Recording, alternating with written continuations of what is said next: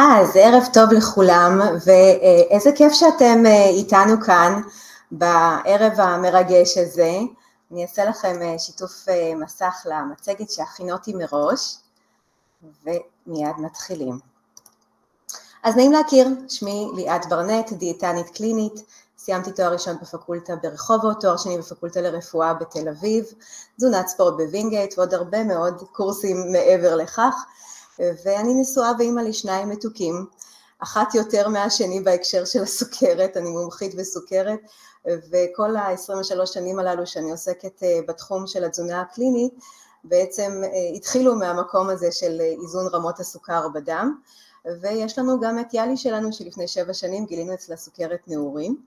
לפני שש שנים היה לי סטארט-אפ בתחום של האפליקציה, גם כן עבור דיאטנים קליניים, מעבירה הרצאות וסדנאות גם לרופאים ולרופאות, ולפני כשלוש שנים, עם בוא הקורונה אל תוך חיינו, היתקתי את כל העבודה שלי, את כל הסדנאות שאני מעבירה כל כך הרבה שנים, באופן הפרונטלי לזום, והתחלתי להעביר גם סדנאות לאיזון רמות הסוכר בדם בפורמט של הזום, יחד עם שותפתי לעשייה נועה ללבק שהיא דיאטנית מדהימה וביחד עשינו גם איזושהי עבודת מחקר על הקבוצות שהראו שהמסוגלות העצמית אפילו עלתה בזום, שזה נהדר. בין השאר אני גם עובדת עם ארגונים והייטק אה, לסדנאות לעובדים, אז זה ככה קצת על עצמי. על מה אנחנו הולכים לדבר היום? אנחנו הולכים לדבר היום על זה שהורמונים זה מוי כיף, מונח שאני מאוד אוהבת, בטח שאני אשתמש בו כמה וכמה פעמים במהלך המפגש שלנו הערב, וגם אני אתן מקום בסוף לשאלות שלכם, אתם מוזמנים לכתוב לתיבת הצ'אט. אז אנחנו נדבר על הורמוני רעב ושובע ועל בכלל הורמונים במעגל חייה של האישה. יום האישה שמח לכולם וגם אתם הגברים שנמצאים פה, גם לכם יש מידע חשוב אז uh, תישארו. מהו השעון הצירקדי? האם יש שעות אופטימליות לאכילה ולפעילות גופנית? ונבדוק גם איך משפיעה התזונה על הבריאות שלנו. מבחינת השינה, המשקל וקצת על תוספי תזונה חשובים. אז נתחיל ממעט נתונים. בתהליך של ירידה במשקל, מה שקורה זה שהורמוני הרעב עולים והורמוני השובע יורדים. אז זה שאנחנו כל הזמן חושבים שאה אין לי כוח רצון וכל מיני דברים כאלה, לא מדובר פה על רק שרירי הרצון, יש כאן תפקידים הורמונליים שצריך להכיר אותם, להעלות אותם למודעות, בטח את חלקם אתם גם ככה מכירים, אני מניחה, ותכף נרד לרזולוציות היותר אה, משמעותיות. מעניין לדעת שמגיל 18 יש עלייה ממוצעת של בין חצי קילוגרם לקילוגרם בכל שנה. בארץ שלנו אחד מתוך ארבעה אנשים סובלים ממונח שנקרא השמנת יתר. והקטע הוא שלא צריך הרבה שנחרוג בהרבה בשביל לעלות במשקל. תראו, אפילו מספיקה חוסר התאמה של שלושה אחוזים בלבד בין מה שאנחנו אוכלים לבין מה שאנחנו מוציאים, בשביל כבר לעלות במשקל. משהו חיובי בכל זאת, אנחנו חייבים להסתכל קודם כל על החיובי, זה שמי שעושה או עושה פעילות גופנית יכול לתקוע טריז בגלגלים של העלייה במשקל. Nice to have, ולא חייבים לעשות איזשהו ספורט היסטרי, גם על זה נדבר בהמשך. אז מדברים על השמנה כעל מחלה כרונית שדורשת תחזוקה, ולפיכך הטיפול בהתאם צריך להיות כרוני. אז מה זאת אומרת הורמונלי? מי שמושך לי בחוטים מאחורי הקלעים. אם אנחנו נבחן רגע את התפקיד של המוח בשליטה באכילה, חלק לא מבוטל נופל על הנושא של האכילה ההומאוסטטית, כלומר האכילה ממקום של רעב פיזיולוגי, בהיבט ההישרדותי אנחנו רוצים לשמור אה, על עצמנו בחיים, אז אנחנו אוכלים. בתוך הקסקדה הזו של האירועים, השרשרת של האירועים, משתתפים הרבה הורמונים. אני כאן ציינתי רק כמה מהם, אבל אחד המרכזיים בהורמונים שמעלים את תחושת הסוב ושגם יותר מדברים עליו בשנים האחרונות זה ההורמון שנקרא GLP-1, אותו הורמון שמופרש גם בקיבה שלנו והוא מעלה לנו את תחושת השובע. מנגד, יש לנו הורמון כזה שאני מדמה אותו קצת כמו איזה שדון קטן, גרמלין אם תרצו, אבל קוראים לו גרלין, והוא מעלה לנו את תחושת הרעב. בעוד מקום נוסף במוח אנחנו יכולים לפגוש את האכילה הנהנתנית, ההדוניסטית, אותה אכילה שהיא לשם התענוג. פה אנחנו כבר מסתכלים על הורמונים אחרים, הדופמין שולט לנו בחשק, במוטיבציה לאכילה, במוי כיף הזה, ויחד איתו יש קולטני אופיואידים ששולטים בהנאה שקשורה באוכל. ולבסוף, אפשר לקחת ולפשט את זה ולהגיד שבעצם החלק הניהולי, כשהוא נכנס לפעולה, מתקבלת ההחלטה לאכול, ואיכשהו אפשר גם להסתכל על כל הנושא הזה בצורה של משולש כזה. יש לנו את המחשבות, את הרגשות ואת ההתנהגות, ואם תראו, הציר הוא דו-כיווני בין כל אחד מהקודקודים הללו של המשולש. זאת אומרת, יכולה להיות לי איזו מחשבה שתעורר איזשהו רגש, והנה אני כבר עם החטיף ביד. הדבר החשוב הוא שיש אפשרות לייצר התערבויות התנהגותיות. בדיוק מה שדיאטנים קליניים, ויש בשפע כאלה במכבי, עושים ביחד עם הנושא התזונתי. מתייחסים לכל האלמנט הזה של העצמת התנהגויות שהן מותאמות ותפורות ספציפית לכל אחת ואחד מאיתנו. כי לכל אחד יש את הניואנסים, איפה צריך יותר לחזק, איזה מחשבה אפשר לתת שם של פתרונות חלופיים לאותה התנהגות, ועל זה חלק לא מבוטל מהעבודה שלנו נסובה, וגם חלק לא מבוטל מהמפגש שלהם, שלנו היום, בעצם אתם תכף תראו את זה.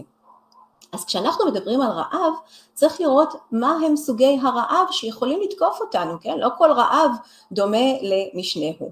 לקחתי כאן שלושה סוגים מרכזיים. הראשון, כאמור, כמו שכבר דיברנו, זה הרעב הפיזי.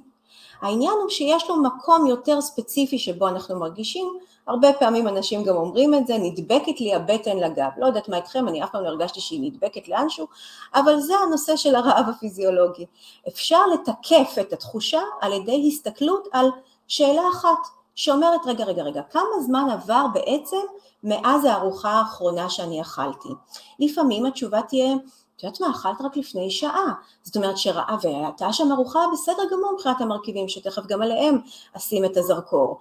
אז בעצם אני יכולה להגיד ולבחון האם מדובר כאן על רעב פיזיולוגי, האם אני מונעת או מונעת מעצמי אוכל כדי להרגיש שאני באיזה דיאטת כסח, בדיאטת הרזייה, כי הרבה אנשים אומרים לי, אני יכול או יכולה לרדת במשקל רק אם אני בדיאטת כסח. שזה כמובן לא, לא נכון ובמבחן המציאות כולנו יודעים את זה, שדיאטות מהסוג הזה לא מחזיקות זמן אה, כלייפסטייל, כאורח חיים בריא ותמיד יש את האלמנט של היו-יו, כך שמלכתחילה אני, שעצה אישית ממני, לא ללכת לכיוון הזה בכלל, אבל זה משהו שחשוב גם כן להעלות למודעות, למה אני חושבת ככה ואיפה אני יכולה למצוא שם דרגות חופש אחרות והרגלי אכילה יותר בריאים ויותר נכונים. גם הנושא של השתייה, לא סתם אומרים לנו לשתות בממוצע משהו כמו כוס מים או תה ירוק או שתייה אחרת שהיא לא מיצים כמובן לשעה, בגלל שאנחנו רוצים לדעת שאנחנו ברוויה מתאימה, הרי במוח גם מרכז הרעב והשובע יושב לו ליד מרכז הצמא ולכן, והרוויה ולכן הרבה פעמים אנחנו מבלבלים ביניהם. עוד סוג של רעב זה הרעב הנפשי, זה יכול להיות רגש רגעי או מצב מתמשך, כל מיני חסכים רגשיים במרוצת חיינו, חוסר סיפוק כזה או אחר, ולפעמים יש אנשים שמתעסקים אפילו יתר על המידה באוכל, עוד לא סיימתי לאכול את הארוחה הזו, אני כבר חושבת מה אני הולכת להכין לעצמי או לאכול או להיערך לארוחה הבאה. מבחינת היערכות זה פנטסטי, אני צריכה להיערך כדי באמת לעזור לעצמי להצליח יותר, אבל כשזה כבר יתר על המידה, צריך לדעת שלפעמים יש כאן אלמנטים של משהו שנקרא פסאודו שליטה. זה נותן לנו איזושהי תחושה שכאילו יש לנו כאן איזשהו זרקור של שליטה על ההרגלים שלנו, על מה שאנחנו עומדים להכניס לפה, אבל ההתעסקות הזאת כשהיא עוברת איזשהו רף מסוים זה כבר מטריף את השכל. רעב נוסף הוא הרעב החברתי או הרעב הסביבתי, כן, יש אירועים חברתיים לפעמים, מן הסתם סופאשים, יציאה משגרה, חס וחלילה יצאנו לחופשה, האכילה הזו מול המסכים, הלכתי ברחוב והריח של המאפייה הטריף אותי, וכמו תמיד האוטומט של ההגעה הביתה. המשתתפים פה שהם פציינטים שלי יודעים שאני אומרת שאם רק הייתה מחכה לנו איזה מקלחת טובה כשאנחנו נכנסים הביתה, באספקט האדריכלי של איך שמעצבים את הבית, ויש פה אדריכלים, תיקחו את זה כטיפ, במקום להיכנס וישר לראות את המקרר מול הפרצוף, יכול להיות שהבחירות התזונתיות שלנו היו יכולות להיות קצת אחרת. טוב, יש כאן בדיקת ראייה. אבל לא, סתם, באמת. יש כאן סולם רעב ושובע, שאני אישית מאוד מתחברת דווקא אליו, אתם יכולים לבחור איזה שאתם רוצים. הסולם הזה רץ בין 0 ל-10, ואני לוקחת ומחלקת אותו לשלושת חלקיו המרכזיים, ואותם אתם תראו כמובן בהגדלה. אז אפס זה מצב ממש של ריקנות, של אני גוועת ברעב, ואחד זה רעב או רעבה מאוד חייבים לאכול, באפס או אחד למי שיש קצת יותר אפילו רגישות לאינסולין, זה יכול להתרגם בשטח ממש כמו אה, היפוגליקמיה, כמו נפילת סוכר, רעד, עייפות, חולשה, סחרחורת, רעב קיצוני, כן, זה ממש אה, הדרגות הללו של הרעב. וככל שאנחנו עולים בסקאלה, אנחנו מגלים שנגיד בשלוש אנחנו חשים רעב פיזי אמיתי, זה הזמן עבורי לאכול, וארבע, הרעב שלי רק מתעורר, אני יכול או יכולה לאכול אבל לא, לא חייבת. מתי אתם חושבים ששווה לכם להתחיל לאכול? אתם מוזמנים גם לרשום את זה בתיבת הצ'אט, תוך כדי שאני מדברת. כי זה מעניין לראות מה אתם חושבים שתהיה הנקודה היותר טובה מבחינת הסולם הזה שבה אנחנו נאכל. אז הנה אני רואה שכותבים לי כאן שלוש, כל הכבוד יוליה שכתבת שלוש, אני אקח לי שלוק מהמים, אני אחרי קורונה שבדיוק סיימתי אז אני לא רוצה להשתעל לכם. ויש כאן שלוש ועוד ארבע, וזה נכון מאוד, אתם קבוצה נהדרת, אני כבר רואה, וזה באמת המקום היותר נכון להתחיל לאכול, כי בשלב הזה האלמנט של השליטה עדיין אצלנו. אנחנו בהחלט יכולים להיערך לזה, לשים את המרכיבים החשובים יותר שלא יחסרו לנו על הצלחת, ובכך לייצר את אותה צלחת מנצחת, או יותר טובה, כי לא תמיד אפשר לנצח וזה בסדר גמור, אלה החיים. נקודת האמצע זה חמש, אני מאוזן או מאוזנת, לא ממש רעב, תמיד יכולה לנשנש משהו, אבל אני עסוקה ואני עושה דברים והאוכל לא מנהל אותי. המחצית הנוספת של הסולם הזה זה שש והלאה. שש אני כבר מסופקת, לא רעבה. שבע לגמרי מסופק או מסופקת, הגעתי לתחושת השובע וההנאה שלי, באלף. שמונה כבר מלא, תשע מפוצץ, עשר מרגיש חולה, מועקה, צריך לפתוח כפתור, סטייל ערב ליל הסדר שבא עלינו לטובה. איפה אתם חושבים אנשים יקרים שצריך להפסיק לאכול, לסיים את הארוחה? מוזמנים גם כן לכתוב לתיבה שלנו, של הצ'אט אה, החלופי, כן? לזה שאני לא רואה אתכם. אז uh, כותבים לי כאן שש ושבע, טוב תקשיבו נראה לי ש... או, שמונה יש כאן גם, יפה, ושבע ושמונה וחמש, אוי, והזמירה, אני כבר לא עומדת בזה. אז uh, טוב, אתם בהחלט יכולים להחליף אותי בפעם הבאה שמישהו מכם ירצה שאני ארצה. נכון מאוד, שש או שבע זה המקום לסיים. בעיניי אפילו שבע, למה? בשבע יש ניואנס מאוד חשוב שמדבר גם על ההנאה שלנו מהאוכל. הוא קריטי בעיניי על מנת להחזיק את התהליך הזה כאורח חיים. אחרת שוב פעם, כאמור נוצרים אי אילו חסכים וכבר לא על מי מנוחות ינהלני. אז אני יחד איתכם חושבת שאיפשהו באזור השש-שבע זה אזור יותר טוב. אה, למה לא חמש? אפשר גם חמש, אפשר גם חמש.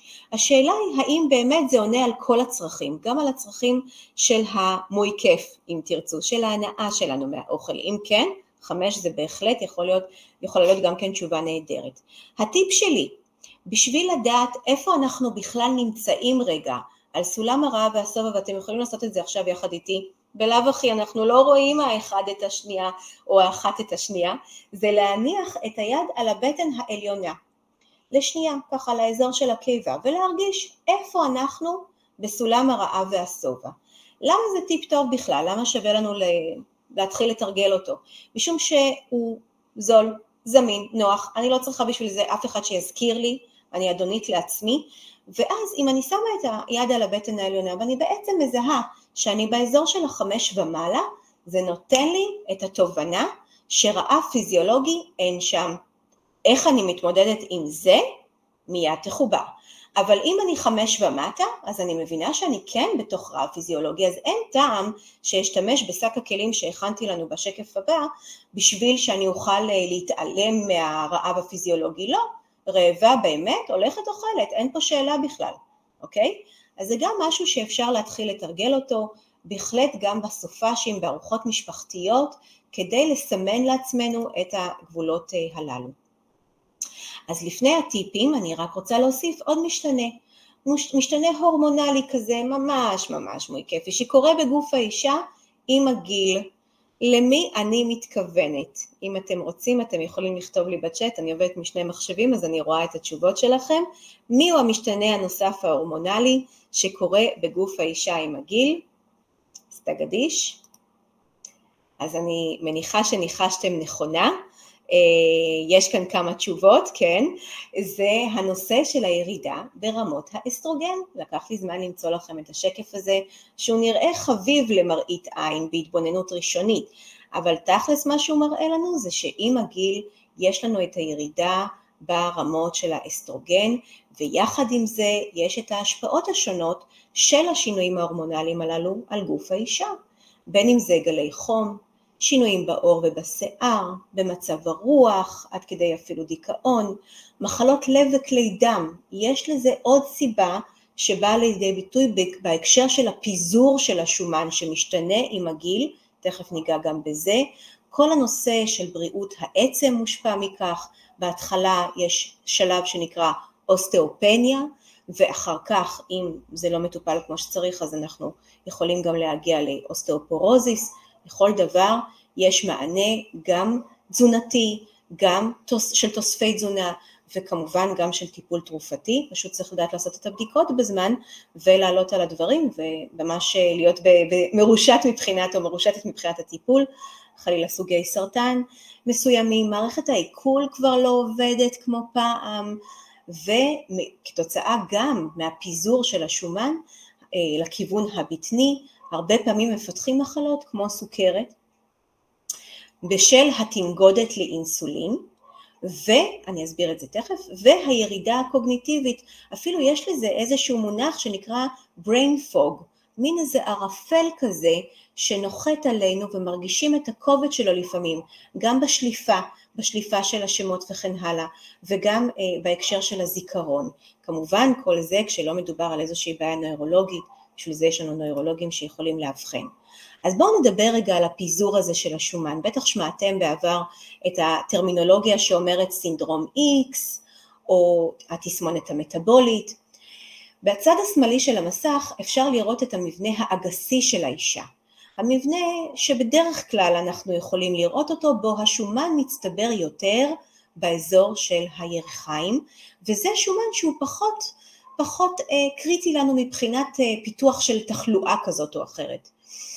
ועם הזמן, עם השנים ועם העיבוד של האסטרוגן, ההשמנה מקבלת לה פיזור מעצבן כזה, תפוחי, כמו של הגברים בהיבט הזה, באזור של השומן הבטני, אותו שומן שקוראים לו שומן ויסרלי או קריבני, זה שגם מבפנים מתחיל אט אט לעטוף לו את האיברים הפנימיים, את הלבלב, את הכבד, את הלב, ומכאן גם מגיעה התחלואה הנלווית.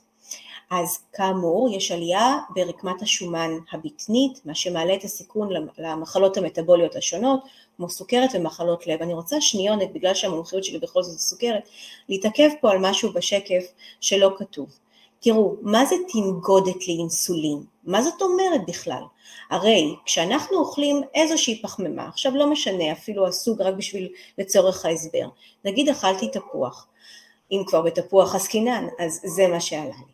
אכלתי את התפוח, אני צריכה לפנות את הפרוקטוז הזה, את המולקולה הזו של הסוכר, מזרם הדם לתוך התא, על מנת לספק לתא את האנרגיה שהוא צריך, נכון? כשיש לנו עמידות של התאים לאינסולין, זה אומר שדלת התא נשארת סגורה. האינסולין שמיוצר מהלבלב לוקח על עצמו את התפוח הזה, ורוצה להכניס אותו לכל תא ותא בגופנו, מתדפק על דלת התא, אבל הדלת שלנו לא נפתחת. ואז התא מצידו מרגיש שהוא לא הוזן, הוא מרגיש רעב, וכך הוא מאותת לנו, לכי תאכלי משהו, אנחנו אוכלים משהו, מייצרים עוד אינסולין, מתישהו מצליחים לפתוח את הדלת הזאת, אבל רק איקס יחידות של סוכר יכולות להיכנס פנימה, מה קורה עם כל השאר? או אז הן הולכות גם כן לבנות לנו עוד רקמת שומן מסביב לבטן. וזה בדיוק מה שאנחנו רוצים להימנע ממנו. בגלל זה כל כך חשוב לדעת איפה הפחמימות האלה נמצאות, מה המינונים שנכונים לנו, ולשים לב שההרכב של הצלחת שלנו הוא מיטבי בהתאם להנחיות שאני תכף הולכת לפרט עליהן בהרחבה. בין היתר יש לנו גם הפרעות בשינה שמובילות לפגיעה בהרגלי אכילה ולאכילה שהיא לא מסודרת. עצם ההפרעות של השינה הן נושא בפני עצמו, אני מאוד מקווה שנגיע גם לזה. דכדוך אמרנו, מצבי רוח ירודים, ירידה בדימוי העצמי, ירידה בתשוקה ובמיניות, וכל זה הרבה פעמים גם כן מביא אותנו לאכילה רגשית. אז מה עושים כשהבלי הזה משתלט עלינו ובכל מיני שעות של היום ושל הלילה? וברוקולי, מה אני אגיד לכם, לא ממש בא לנו לאכול שם. אז בואו נבדוק ביחד איך אפשר להדוף את הגל הזה, כן? אנחנו יודעים שבשביל להדוף אותו יש את המשולש הטיפולי שמורכב בבסיס מהתזונה שלנו ומהפעילות הגופנית וכמו תמיד הקודקוד זה השילוב של ההתמודדות עם האכילה הרגשית. מה אפשר לעשות עם זה? מאיפה נקבל את הרוגע לך כדי לייצר לעצמנו את הרוגע לי, רק לא מרוגע לך שכזה. אז זוהי. אז תיבת הפתרונות תמיד פתוחה להצעות נוספות, אתם יכולים לכתוב בצ'אט, כרגע אני לא יכולה לראות מה שאתם כותבים, אני אראה את זה בהמשך. אני מציעה כמה דברים. דבר ראשון, נכון בסופר, במדף המרכזי, זה שבגובה העיניים שלנו, לא יודעת אם אתם יודעים את זה, אבל המוצרים שנמצאים שם משלמים איזשהו אקסטרה, איזושהי אקסטרה על מנת להיות באזור הזה, שהם יהיו בחשיפה חוזרת, כך שהיד שלנו יש לה יותר סיכויים להישלח לשם ולהכניס את המוצר הזה לעגלת הקניות שלנו. בהתאמה אפשר לעשות העתק הדבק על זה למקרר שלנו ולשים במדף המרכזי איזושהי קופסה כזו שהכינותי מראש בעודי עדיין במצב כזה של שובע טוב ונינוח איזשהו כריך כיפי, הקמח רצוי שיהיה קמח שיפון מלא או קמח כוסמין מלא או לחמים שהם דלי פחמימה כאלו שהם על בסיס של קמחים מקמח שקדים וכולי. ובפנים יכול להיות משהו קצת אחר, יכולה להיות חמת בוטנים טבעית, בלי סוכר ובלי כל מיני חומרים משמרים. אם אתם רוצים עם נגיעות נוספות למעלה, לסגור את כל הסיפור הזה, לחתוך למשולשים, ההנגשה היא מאוד מאוד חשובה. ואו משהו אפילו עוד יותר אה, ככה בריא, שזה לקחת איזשהו פרי ומיקס של אגוזים.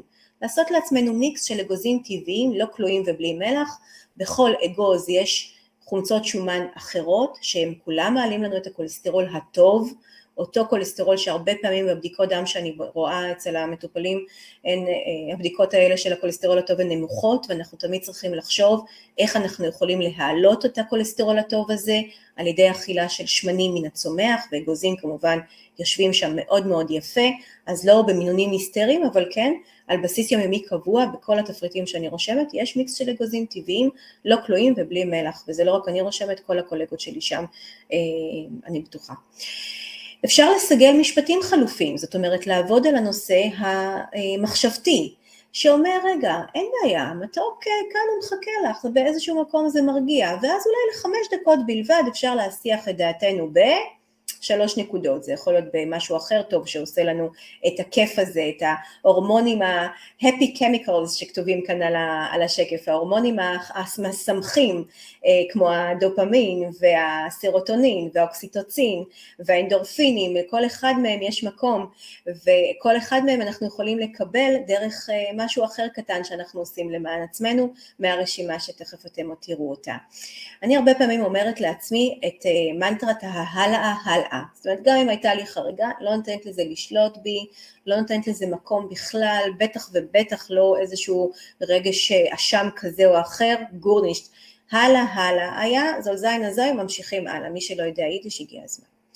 ואפשר להרגיש את זה שאנחנו באמת אה, עייפים עכשיו, אז כתבתי כאן שלופנזיביטה, אפשר ללכת לישון, אפילו לעשר דקות, רבע שעה להניח את הראש או לבהות. הנושא של הבהייה, אנשים לא אה, חושבים שזה סתם מבזבזים את הזמן, אבל זה בעצם מפתח את החלק היצירתי שלנו, וזה גם נותן לנו איזושהי מנוחה איפה שאין לנו אפשרות להניח את הראש.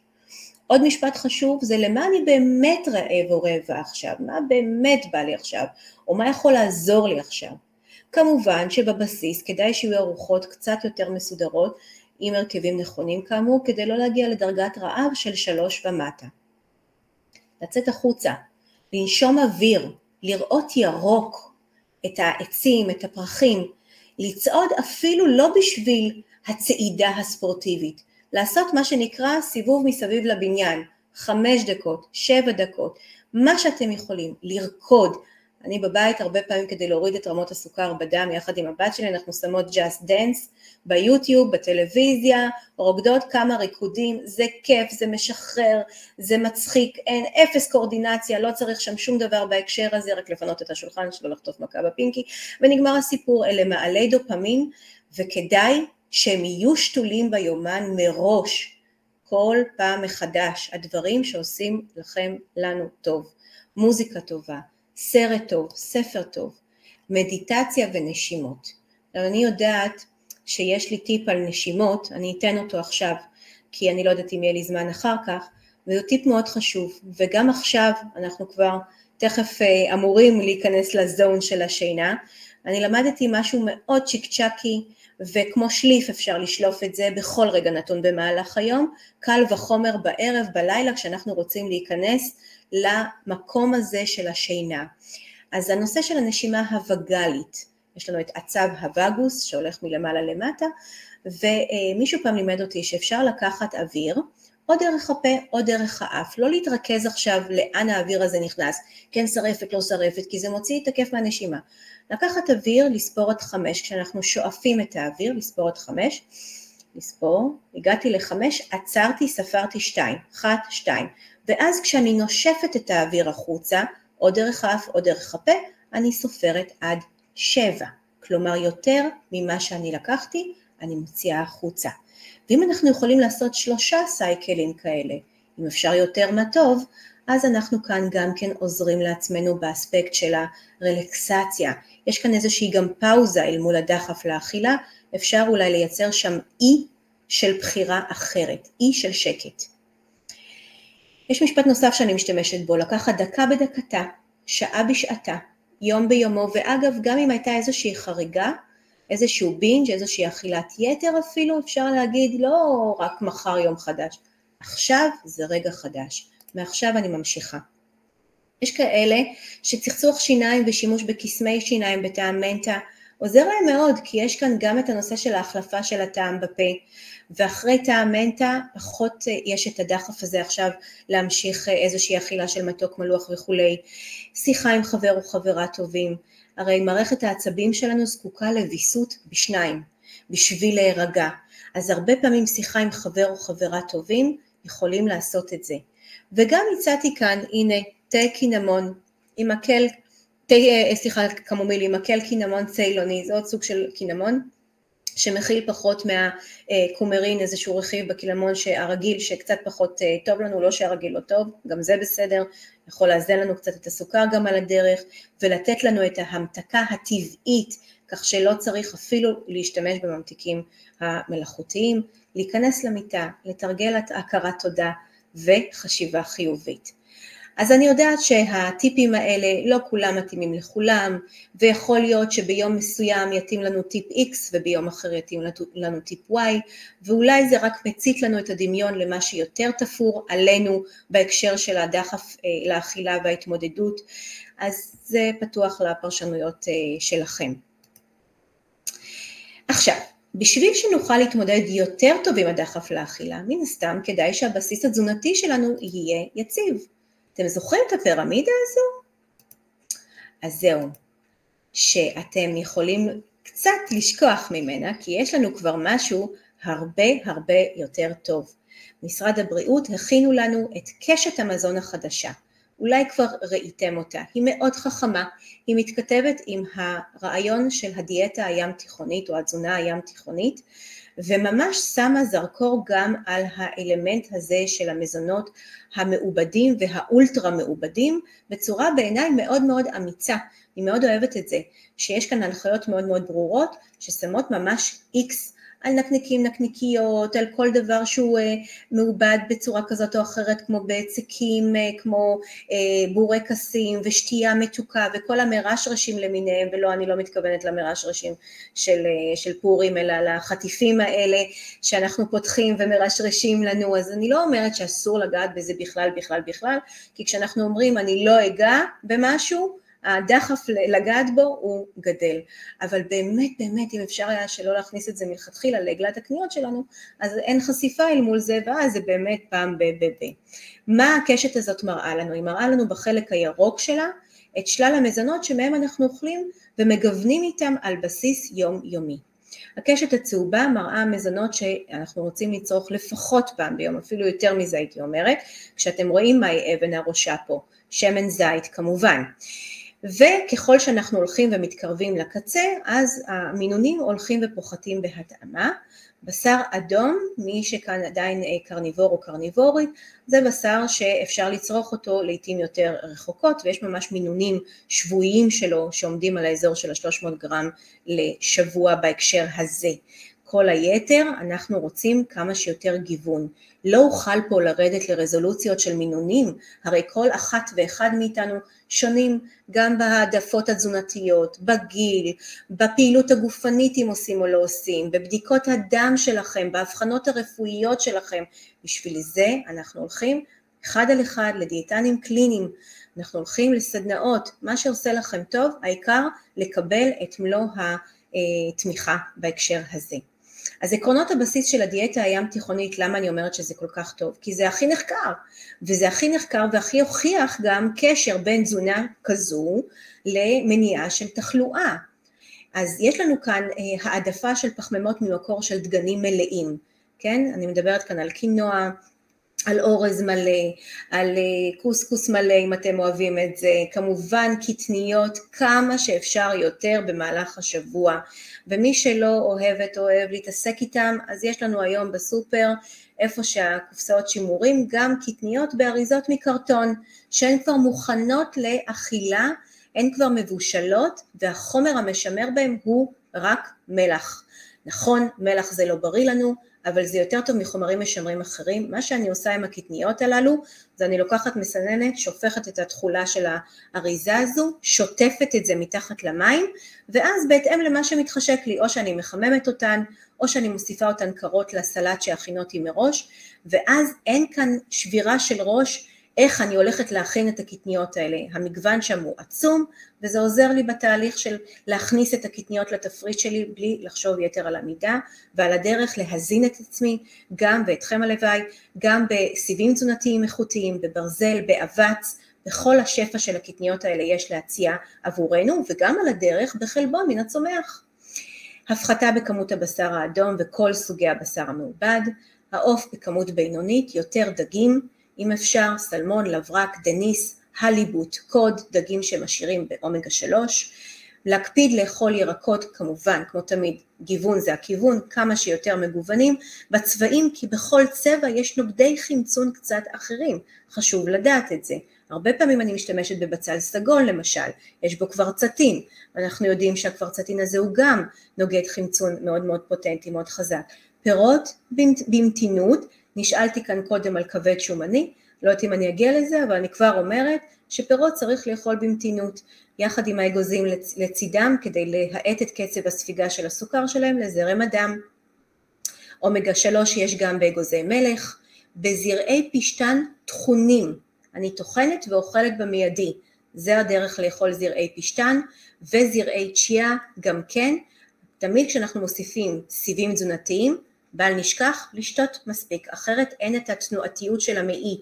הפריסטלטיקה הזאת יכולה להיווצר בצורה המיטבית, כאשר יש לנו נוכחות של סיבים מחד ושתייה מספקת מאידך, לא הצפה, אלא שתייה נכונה, ואז אנחנו יכולים גם להגיע לשגשוג תקין של המייקרוביום שלנו, של אוכלוסיית חיידקי המעי שלנו, שרק תגיד לנו תודה על התזונה הזו, ובזכות זה שהם ישגשגו שם החיידקים הטובים האלה במינונים הנכונים, במגוון הנכון, חלק לא מבוטל ממה שעוזר לנו גם לאזן את הסוכר וגם לבריאות הכללית שלנו. וכאמור שמן זית כמקור עיקרי למזון שומני בתפריט.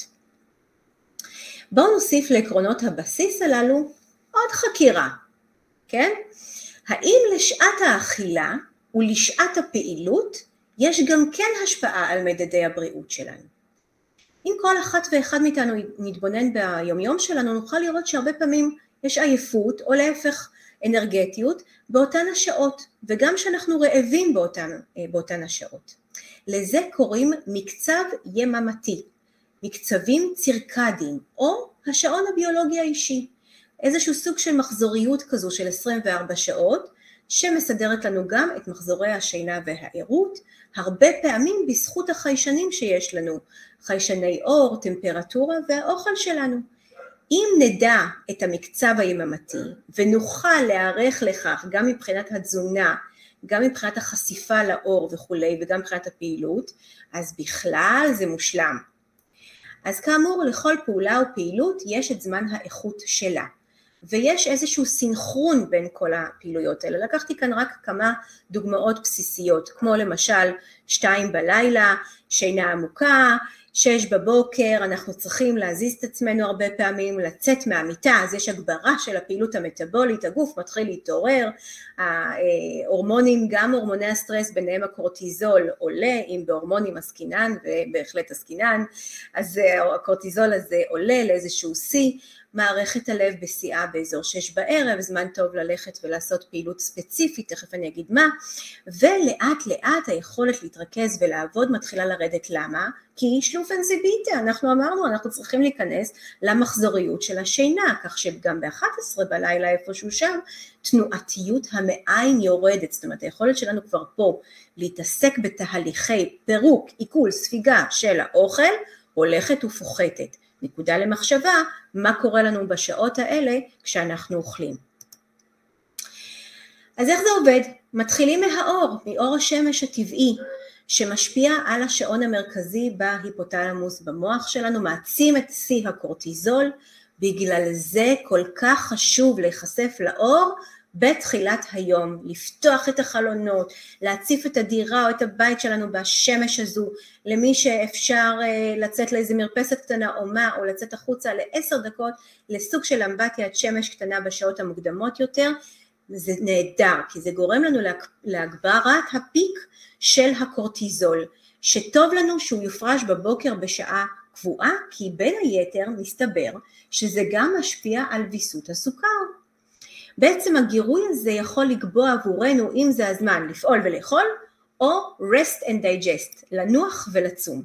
וכאמור, כל האיברים שלנו מצייתים להיפותלמוס על מנת לשמור על האיזון הזה, על ההומאוסטזיס. כמו שאמרתי קודם, השינה הולכת ביחד עם מערכת עיכול שהיא על סוג של, במרכאות השתק. מה יכול להשפיע על המקצבים הצירקדיים? השינה, אם הבן אדם עובד במשמרות או הבת אדם, אור וחושך, אכילה, מאמץ, גנטיקה, מוצא וגיל. וחשוב מאוד לדעת, לא סתם צבעתי את זה פה באדום, שאכילה לילית משבשת בקרה גליקמית, משבשת את בקרת הסוכרים שלנו. אם כן, מהם הסכנות בהפרעות למקצבים היומיים? יש בעיות בריאותיות לטווח הקצר וכאלו לטווח הארוך. בטווח הקצר אנחנו יכולים להרגיש יותר עייפים, זמני החשיבה והתגובה שלנו איטיים יותר, יש הפרעות במצב הרוח, הפרעה במטאבוליזם של הסוכר, בחילוף החומרים של הסוכר, והרבה פעמים מכל אלו גם השמנת יתר. שאמרנו כבר את אותו סינדרום X, הנה הוא בא לידי ביטוי בבעיות בריאות לטווח הארוך, מחלות כלי דם, סוכרת, חלילה סוגי סרטן כאלה ואחרים, אלצהיימר ואף פרקינסון. ומה קורה לנו אם כך כשאנחנו אוכלים מאוחר? אז אכילה מאוחרת, מסתבר שהיא מגבירה רעב, משנה את חילוף החומרים לכזה שתורם להשמנה. זאת אומרת, אם אני הייתי לוקחת את אותו נשנוש בשעה קצת יותר מוקדמת במהלך היום, לא הייתי מעלה אותו דבר ברקמת השומן. נקודה למחשבה. וגם, יש השפעה על תהליכי ניקוי והתחדשות תאית שצריכים להתקיים בלילה, אין לנו אחרת מתי כל כך זמן לזה, רק כשאנחנו כבר במצב שיכול לאפשר את זה. אז האם רק המאזן הקלורי קובע, כלומר מה שנכנס לעומת מה שיוצא במספרים? אנחנו כבר מבינים שלא ולא. לשעת האכילה גם כן יש משמעות. אם אני אשאל אתכם מהו סדר האכילה המומלץ, גם מבחינת האיזון של הסוכר, גם מבחינת ההפרשה של אותו הורמון סובה שהצגתי לכם כבר, אותו GLP-1. אז אה, האם אתם חושבים שכדאי לנו להתחיל לאכול את הפחמימות קודם, את החלבונים קודם, את הירקות קודם, מי, מי שם ינצח בתחרות הזאת? אה, אני לא רואה עכשיו את הצ'אט שלכם כמו שצריך, ואתם יכולים לכתוב בצ'אט, אני אראה את זה תכף. אז הנה, יש לכם אופציה אחת, שהיא לאכול קודם את הפחמימה, אז את החלבון וככה אחר כך את הירק עם השומן, או הפוך, להתחיל מהירק עם השומן, החלבון ובסוף הפחמימות. מה אתם חושבים שתהיה התשובה? אני מניחה שניחשתם. אז קודם כל ירק עם שומן, מיד אחרי זה החלבונים שלנו, הטונה כאן היא רק שומר מקום לחלבונים אחרים, לא אוכלים כל יום טונה, זה לא, זה לא טוב לאכול כל יום טונה, ובסוף הפחמימות. אז אם אני יכולה עוד להכין לעצמי תה ירוק ולשתות אותו בטווח ככה של אפילו רבע שעה, עשרים דקות אחרי שסיימתי את הארוחה המרכזית הזאת, אז זה גם יכול לעזור לי בתהליך של שריפת שומנים ובעוד דברים שהתה הירוק נותן, תכף נעמוד גם עליהם. עוד כמה טיפים לדרך שכדאי שהתפריט שלנו ייקח בחשבון, אז אמרנו כבר סוג וכמות הפחמימות הנאכלת, כמות זה נושא סופר דופר אינדיבידואלי שצריך לבדוק אותו כמובן בטיפולים האינדיבידואליים שלכם. הרכב הארוחה, אמרנו תמיד לשים זרקור על החלבון, כמות מספקת של ירקות ושומן בריא מן הצומח, ואז את הפחמימה. אופן ההכנה של הפחמימה וזה סופר מעניין, משהו שאנחנו יודע, יודעים עליו רק ממש ממש מהשנים האחרונות, שיש מושג כזה שנקרא המילנים עמידים. מה זאת אומרת? זאת אומרת שאם אני רוצה להיערך למחר, אני צריכה להכין, כדאי לי להכין את סיר האורז שלי היום, לקרר אותו, לשים אותו במקרר, ורק מחר או להקפיץ אותו בווק או לחמם אותו באיזה דרך אחרת שאני רק רוצה, ואז הוא עדיין, האורז הזה עדיין יכיל את אותה כמות של פחמימות. אבל אופן ההשפעה של הפחמימה הזו על הסוכר שלנו בדם תהיה אחרת בזכות התהליך של הקירור. נוצרים שם אותם עמילנים עמידים שמאפשרים לסוכר לעלות קצת יותר לאט. וזה פנטסטי ולהתפרק יותר לאט, ואז הזנב גם של השובע נמתח לו על פני יותר זמן.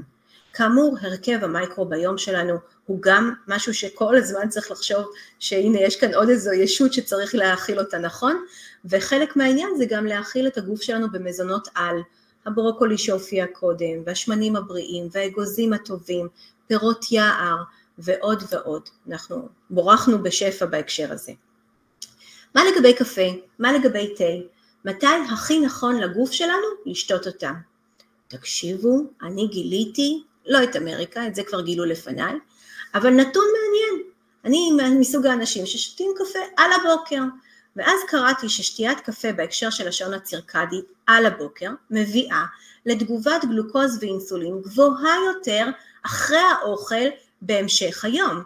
לא בא לי על זה. מה אני עושה במקום זה? אני לוקחת ומחליפה, שותה את הקפה באזור השעה 10, ובמקומו בבוקר לוקחת כוס תה ירוק, צריך לשים את השקיק לשלוש דקות, תשימו לב שאתם עושים את זה ולא צובעים את הכוס ומוציאים את השקיק, לפחות שלוש דקות שהשקיק ישהה שם, על מנת שכל הפוליפנולים ונוגדי החמצון האחרים שיש לנו בעלים של התה הירוק יבואו לידי ביטוי ונצרוך אותם כהלכה, או עוד חלופה שמצאתי זה לקחת קקאו נע, נ"א, כזה שאם אפשר, שאין בו שום תוספות לאריזה, שכתוב רק את הקקאו 100%, ואפשר להתחיל מחצי כפית קקאו, לשים את המקל קינמון בפנים, לשים את המים הרותחים ולהוסיף, אני שותה חלב, אבל מי שרוצה משקאות חלופיים אה, לחלב, משקה על בסיס של סויה וכולי, רק תשימו לב שבאריזות עצמן אין לכם סוכר מוסף ברשימת הרכיבים, אוקיי? רק לבחור את האריזות הללו ואז זה פנטסטי. תה ירוק, אם אנחנו שותים אותו בבוקר וגם במהלך היום לפחות מתאספים כך שמגיעים בסך היומי לפחות לשלוש כוסות כאלו של תה ירוק, הראו יעילות בהפחתת רמות הסוכר, גם בצום, גם אחרי האוכל, וכאמור כדאי לפזר אותו, אפשר לסיים את היום אם אתם אוהבים ג'ינג'ר וקינמון ותה ירוק, אז זה נותן בקרה יותר טובה של הסוכר, ואותם פוליפנולים גם משפיעים על מצב דלקתי. האם יש אה, השפעה לשעה יותר אידיאלית ביום לפעילות הגופנית, אז כן, אם אני רוצה יותר לבנות רקמת שריר, עדיף לי לעשות את הספורט שלי בין 4 ל-8 בערב. אבל אני רוצה להסתייג ולהגיד משהו פה. אנחנו כמטפלים נקנה כל ספורט שתעשו בכל שעה שתעשו, ובזה סגרתי את העניין. אבל אם זמני בידי ואני יכולה לבנות לעצמי מערכת כזו שאומרת אוקיי, את האימון הזה עם המאמנת כושר האישית שלי שאני מאוד אוהבת ועושה, אני יכולה לעשות בשעות אחר הצהריים, אז כן ייטב, כי זה הזמן היותר נכון גם באספקט של השעון הצירקדי לבניית מסת השריר. אם אני רוצה יותר לשים זרקור על שריפת שומן באימונים אירוביים כמו הליכה, אופניים, שחייה, ריקודים, עדיף לי לעשות את זה בשעות, בשעות הבוקר. אבל אל תיצמדו לזה, העיקר לעשות, כן? מה קורה לאיזון הסוכר? יש פה גרף מדהים, שאני חושבת שכולם צריכים לדעת את זה, גם מי שיש לו הבחנה עולה של טרום סוכרת או סוכרת מסוג 2, גם סוכרת מסוג 1, ומה קורה לאיזון של הסוכר, גם למי שאין את ההבחנה הזאת. הנקודות השחורות כאן זה אכלתי, ישבתי, ואילו הנקודות שהן אה, ריקות זה אכלתי, הלכתי, אוקיי? מה אנחנו רואים כאן בעצם? שהאיזון של הסוכר הוא, הוא מיטבי בהקשר של ההשטחה של העקומה, אוקיי? לא מהאספקט של הקורונה, אלא אם אנחנו רוצים ליצור מצב שיהיה פחות הקפצה בערכים, ותראו כמה זמן גם הערכים נשארים גבוהים בדם, אז אנחנו צריכים לבצע את ההליכה הקטנה הזאת, אם אנחנו יכולים לשתול אפילו רק עשר דקות אחרי האוכל, זה יכול לעזור לנו לשטח את העקומה. סדר האכילה באימונים הוא מאוד מאוד אינדיבידואלי. אז אני מרצה כאן להרבה מאוד אנשים, אבל בגלל זה אני אומרת, צריך לדייק את זה לבן אדם הספציפי, לבת אדם הספציפית, ולקחת בעיקרון פחמימה לפני אימון, זאת יכולה להיות אפילו פחמימה פשוטה כמו פחמימה של פרי, כן? פחמימה פשוטה בריאה, אה, כמו אה, חצי בננה אפילו, בטווח של ה-15-20 דקות לפני הפעילות, כי אם אני לא רוצה שזה יעלה לי אחר כך, אז זה מינון שמתכתב טוב עם זה.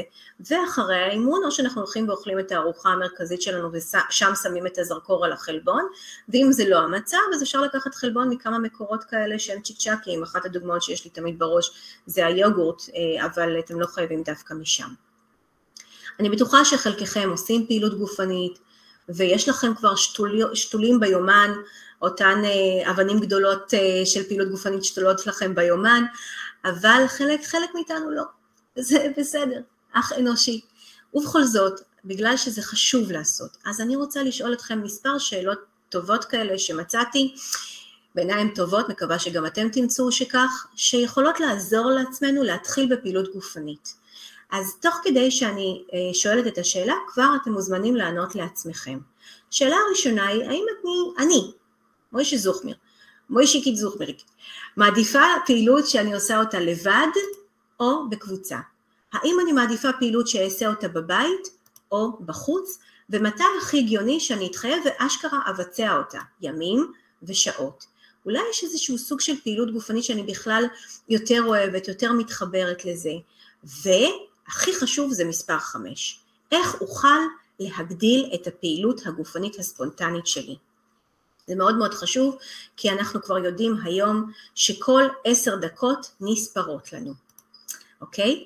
אז אני הולכת לשים כאן שקף שאני לא הולכת לדבר עליו עכשיו, ההרצאה הזאת מוקלטת, אתם תוכלו לחזור ולהתבונן בו, כי הוא בעצם עושה סדר בכל הדברים שאני אמרתי עכשיו. רוצה להתקדם איתכם רק לעוד מספר שקפים, אני יודעת שאני צריכה לסיים. אז מה לגבי תוספי תזונה? תוספי תזונה כידוע יכולים לשפר לנו את כל האלמנטים האלה של העייפות ושל החולשה, נשירת שיער, גלי חום וכן הלאה. אנחנו לא נותנים תוספים בלי בדיקות דם מקיפות מספיק, שמלכתחילה אומרות לנו מהו שורש הבעיה, אין כאן תשובת פלסטר.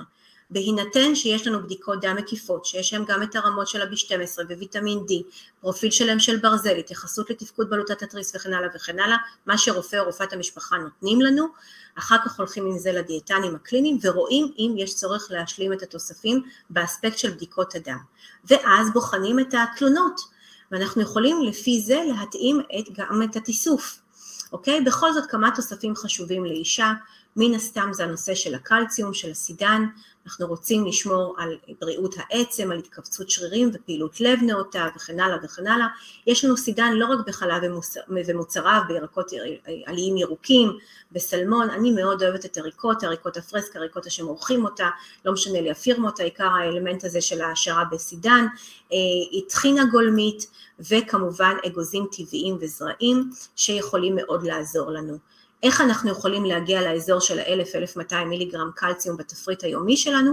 מחפשים אריזות שכתוב לנו שהאריזות האלה מועשרות בסידן, מעשירים את התזונה בוויטמין C שעוזר לספיגה, מחלקים את המנות של הסידן לקטנות כאלה במהלך היום על מנת שהספיגה תהיה מיטבית ומרחיקים את צריכת המלח. הרבה נשים עד גיל המעבר יש להם לחץ דם נמוך, פתאום בגיל המעבר לחץ הדם שלהם משתנה והופך להיות אה, לכזה שהאבחנה הרפואית היא יתר לחץ דם. אז גם באספקט הזה שווה לנו להפחית את צריכת המלח, אבל גם באספקט של ספיגת הסידן, כשאנחנו אוכלים הרבה מלח, שותים יתר על המידה קפה, אה, אז יש לנו כאן אלמנט של הגברה של אובדן הסידן מהגוף.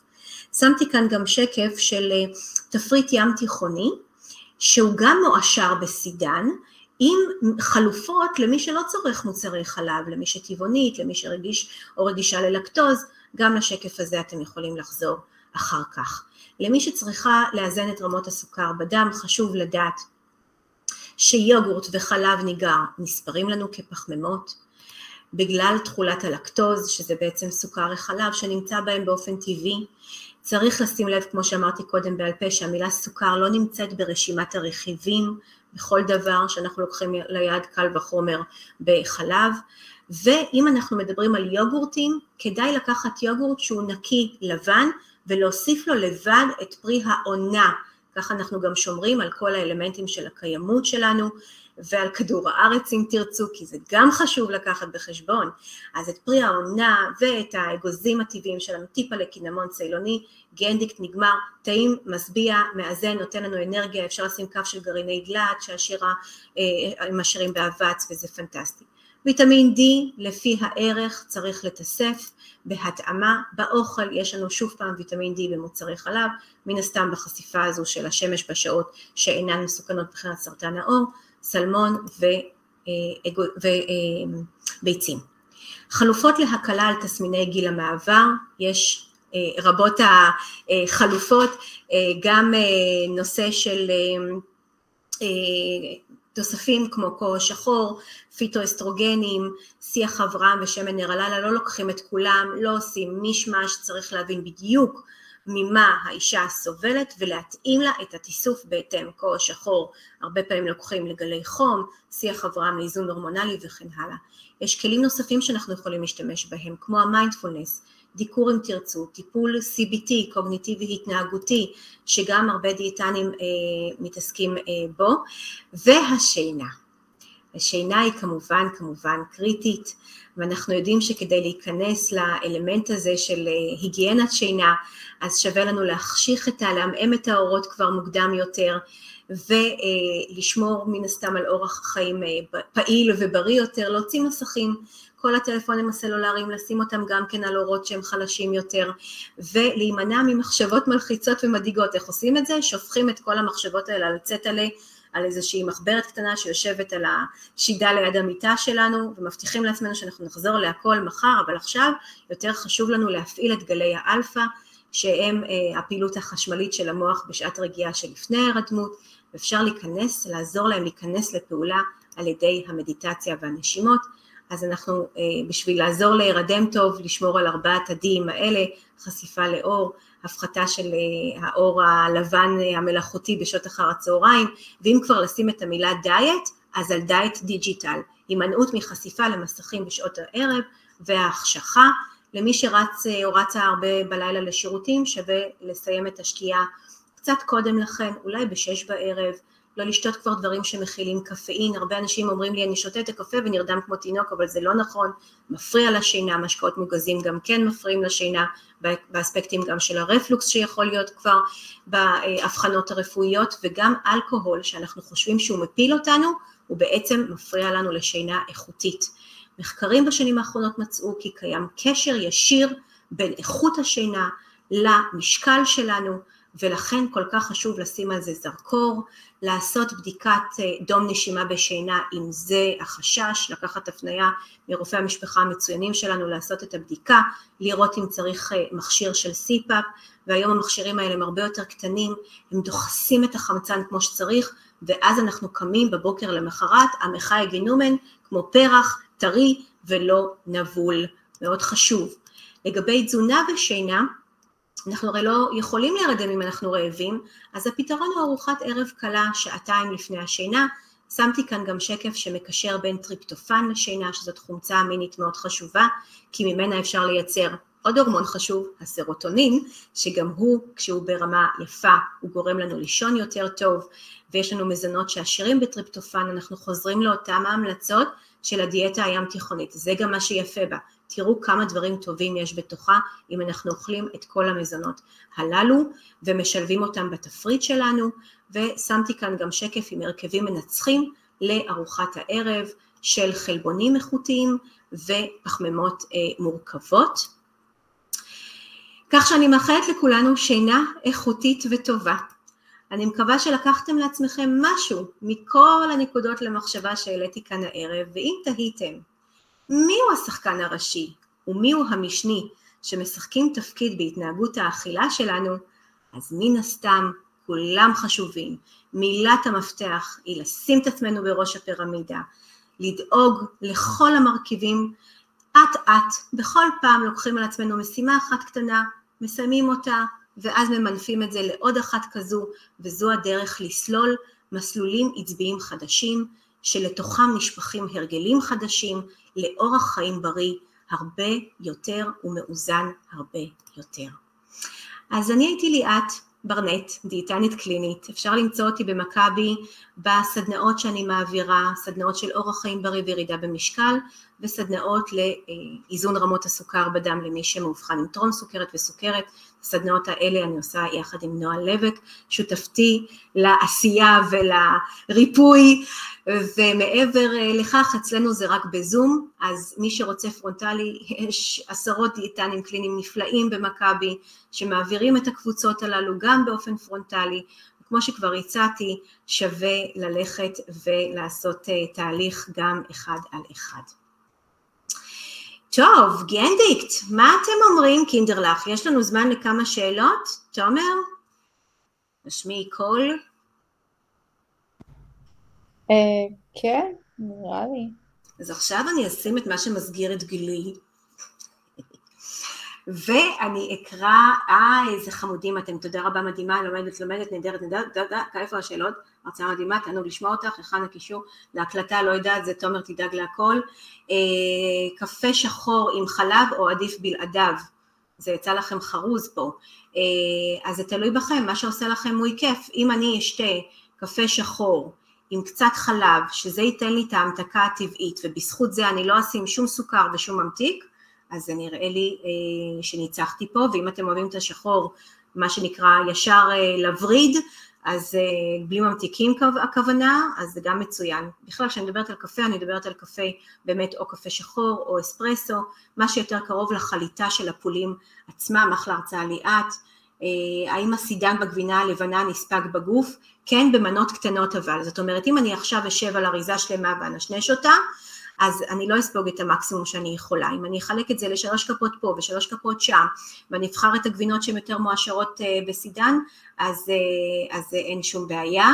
אה, תודה על ההרצאה, לשים את השקף האחרון כרגע זה בעייתי, אבל תהיה לכם אותה מוקלטת, אתם יכולים לעשות פאוז פשוט אה, וזהו, נהדר מרתקת, בלה בלה בלה, תודה רבה לכם המתוקים, אתם מאלפת שאת, אה, יופי יופי יופי יופי, אני פשוט גוללת למעלה, איך אפשר לדעת אם השינה שלי איכותית? לפנות לרופא המשפחה שלכם, הרבה פעמים אנחנו יודעים שהשינה שלנו לא איכותית, מזה שאנחנו קמים בבוקר ומרגישים שאפילו שצרכנו שבע שעות שינה, הגוף צורח, הוא עייף, אין לנו את האנרגיה ואין תמיכה למחסור באנרגיה מבחינת בדיקות הדם. בדיקות הדם שלנו בסדר, אז הכל מסתכם בסופו של דבר בבדיקה הזו של המעבדת שינה, שבשבילה צריך לקחת פשוט את ההפניה ולעשות את הבדיקה. הרבה פעמים אנחנו גם מגלים את זה מבן או בת הזוג שישנים לידינו, ובאמצע הלילה נותנים לנו את המרפק הזה, זה כבר אומר אה, חשדן, חשדן.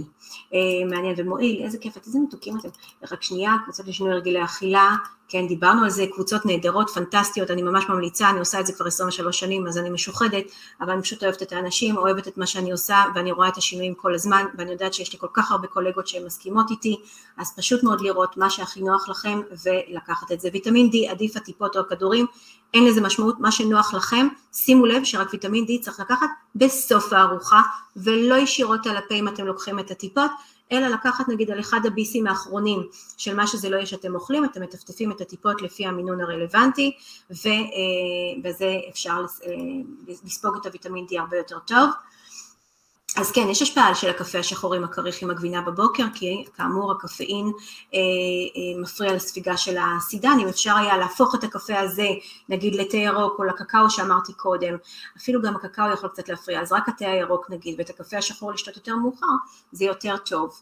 לבד בבית שלוש פעמים ריקוד ומתיחות, עשרים דקות בכל פעם, תודה רבה לך נורית שכתבת את זה, משתדלת הליכה יומית, נהדרים אתם. אה, אפשר גם ג'ינג'ר וקינמון במים חמים, זה נותן את אותו אפקט כמו שילוב עם תה ירוק? לא. ג'ינג'ר וקינמון במים חמים זו חליטה. אני יכולה להוסיף לזה נענע ולמון גראס, את, מה שאתם רוצים, זאת תהיה חליטה. את כל האפקטים המגנים שיש לה, של הפוליפנולים שיש לתה הירוק, צריך או לקנות תה ירוק בתפזורת כזה מיובש, שאנחנו שמים במסננת ושופכים על זה מים רותחים כחלק, אה, בשביל להכין את זה, או שקיקים של מיליון סוגים של תה ירוק, בכמה חברות יש, שפשוט מאוד כתוב על האריזה שזה תה ירוק. אין בעיה לשתות קפה שחור ללא סוכר, פשוט השעה, תנסו להעלות אותה. זאת אומרת, אם אתם רגילים לשתות את הקפה שלכם בשש, תתחילו מצעדים קטנים, תתחילו את הקפה הזה בשעה שבע בערב, ו, אה, וככה תוכלו לבנות את זה. אה, תפוחי אדמה כמו אורז, כן באיזשהו מקום זה נכון, לגבי תפוחי אדמה, מה שאני ממליצה תמיד לעשות זה לקלף אותם, לחתוך אותם או לקוביות קטנות או לרצועות, ואז בעצם להשרות אותם במים, אם אפשר לשעה או אפילו ללילה שלם שככה הם יעמדו במקרר, חלק לא מבוטל מהמילן יוצא החוצה, ואז מה שזה לא יהיה שאנחנו נכין מאותם תפוחי אדמה, פחות יעלה לנו את רמת הסוכר בדם. טוב, מאותתים לי פה שאני צריכה לסיים, אז תודה רבה שהייתם איתנו, ואני מלאכתי כרגע כאן תמה, אני אמשיך עם כל מה שאני עושה מחר בבוקר. בהצלחה לכולם ובריאות איתנה. לילה טוב.